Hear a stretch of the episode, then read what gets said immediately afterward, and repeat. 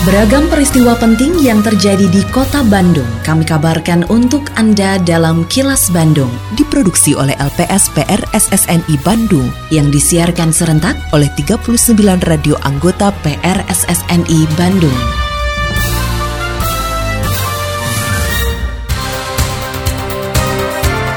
Sejumlah informasi aktual kami hadirkan untuk Anda dan inilah informasi utamanya pemerintah Kota Bandung kembali persiapkan sertifikasi tanah masyarakat.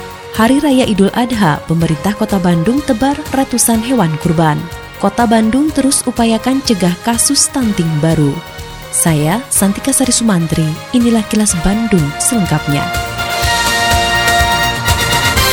Pemerintah Kota Bandung kembali menyiapkan pendataan untuk sertifikasi tanah masyarakat melalui program pendaftaran tanah sistematis lengkap atau PTSL untuk tahun 2023. Sertifikasi dilakukan untuk melengkapi sisa target 2000 bidang tanah di Kota Bandung yang tersertifikasi. Wali Kota Bandung Yana Mulyana mengatakan pendataan dimulai dari pembukaan pendaftaran bagi masyarakat yang berminat mensertifikatkan tanahnya. Untuk program PTSL tersebut, masyarakat yang sudah terdaftar hanya membayar Rp150.000 untuk administrasi, sedangkan biaya lainnya ditanggung pemerintah pusat. PTSL merupakan program pemerintah pusat untuk memberikan sertifikat sebagai bukti hukum atas hak warga yang memiliki tanah. Dengan begitu bisa mencegah terjadinya konflik pertanahan di kemudian hari. Inventarisasi ya bahwa saya mau ikut nanti pada saat 2023 kan itu dianggarkan dulu nanti. Pada itu kan APBN anggarannya bukan APBD. Nanti kalau ternyata dari sekian banyak ternyata yang disetujui 500 atau 600 kan bisa aja. Nah nanti yang bayar yang 500 atau 600 yang disetujui. Ada kewajiban yang memang harus dibayarkan oleh warga itu untuk meterai, formulir dan itu 150 ribu. Lainnya pengukurannya sertifikatnya apanya semua gratis dari pemerintah. Lewat APBN Angka kasus hubungan industrial di Kota Bandung semakin menurun. Berdasarkan data Dinas Tenaga Kerja Kota Bandung hingga pertengahan tahun 2022, kasus yang baru masuk berjumlah 27 kasus. Padahal target penyelesaian kasus hubungan industrial per tahun biasanya hingga 100 kasus. Menurut Kepala Dinas Tenaga Kerja atau Disnaker Kota Bandung, Andri Darusman, berkurangnya angka kasus tersebut menunjukkan hubungan tripartit, yaitu serikat pekerja, pengusaha, dan pemerintah yang semakin baik. Andri berharap untuk menyelesaikan kasus hubungan industrial tersebut, Disnaker Kota Bandung bisa memiliki desk khusus. Memang kita ada layanan pengaduan ya mengenai yang di PHK atau malah gajinya tidak sesuai atau yang lainnya. Kita memfasilitasi itu ada salah satu bidang hubungan industrial. Kita memfasilitasi itu, kemudian memediasi itu agar si pekerja ini mendapatkan haknya, kemudian si pengusaha ini juga sesuai ketentuan di dalam mempekerjakan tenaga kerjanya gitu kan. Jadi antara pengusaha, tenaga kerja dengan kita pemerintah, ya artinya tripartit ini sementara ini berjalan dengan baik. Sebanyak 45 ekor sapi dan 100 ekor domba dan kambing disebarkan pemerintah kota Bandung kepada seluruh kelompok masyarakat untuk dikurbankan pada Hari Raya Idul Adha 1443 Hijriah ini. Usai melaksanakan sholat Idul Adha sekaligus penyembelihan hewan kurban di Masjid Al-Uquwah pada minggu kemarin, Wali Kota Bandung Yana Mulyana mengatakan masyarakat tidak perlu khawatir terhadap daging yang dibagikan karena hewan kurban telah diperiksa oleh Dinas Ketahanan Pangan dan Pertanian atau DKPP Kota Bandung. Bahkan hewan kurban yang ada di kota Bandung juga telah divaksin untuk mencegah penyakit mulut dan kuku atau PMK.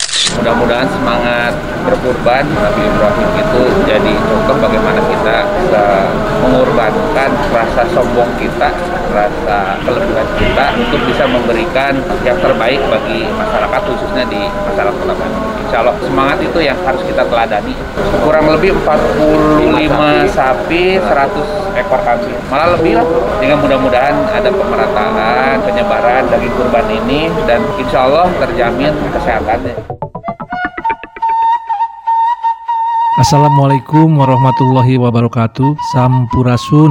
Saya Arif Saifuddin Kepala Dinas Kebudayaan dan Pariwisata Kota Bandung Menginformasikan kepada Mitra Pariwisata Kota Bandung Bahwa berdasarkan Peraturan Wali Kota Bandung nomor 80 tahun 2022 Tentang pemberlakuan pembatasan kegiatan masyarakat level 1 Coronavirus Disease di Kota Bandung Penyelenggaraan acara yang diperbolehkan terdiri atas hitan dan pernikahan. Pelaksanaan penyelenggaraan acara hitan dapat dilaksanakan di rumah dengan dihadiri paling banyak 75% dari kapasitas tempat acara. Pelaksanaan penyelenggaraan acara pernikahan diperbolehkan melaksanakan resepsi pernikahan dengan ketentuan, menerapkan perilaku hidup bersih dan sehat serta screening periodik. Kapasitas dibatasi untuk pernikahan yang dilaksanakan di rumah dihadiri paling banyak 75% dari kapasitas tempat acara. Untuk pernikahan yang dilaksanakan di gedung atau ruang tertutup atau hotel dihadiri paling banyak 75% dari kapasitas gedung.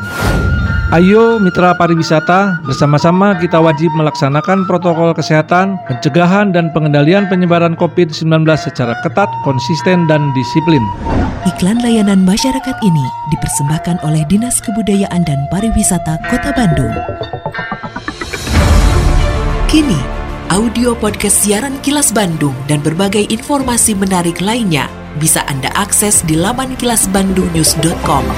Pemerintah Kota Bandung terus berupaya supaya hingga tidak ada lagi kasus stunting baru atau zero news stunting di Kota Bandung. Kepala Dinas Kesehatan Kota Bandung Ahyani Raksanegara mengatakan sejumlah upaya yang terus dilakukan untuk mencapai zero news stunting antara lain dengan memantau ibu hamil hingga seribu hari masa kehidupan janin. Menurut Ahyani, pemantauan seribu hari pertama merupakan tugas dari Dinas Kesehatan. Sedangkan untuk hal-hal lain seperti usia masa pernikahan dan edukasi tentang keluarga berencana menjadi tugas semua pihak. Jadi ya stunting barunya jangan ada. Nah itu zero new stunting itu dengan dicegah dari kita tangkap dari seribu hari pertama. Begitu hamil udah kita intervensi. Dan lebih jauh lagi tadi sebelum menikah udah disiapkan kan lebih jauh lagi ke sananya. Bagian kami dari mulai seribu ham, dari hamil kita harus pastikan mereka terakses pelayanan kesehatan, pastikan minimal enam kali mereka diperiksa, pastikan dia melahirkan di tempat yang benar karena kan kita sudah UHC ya, tidak boleh ada hambatan secara pembiayaan dan sebagainya.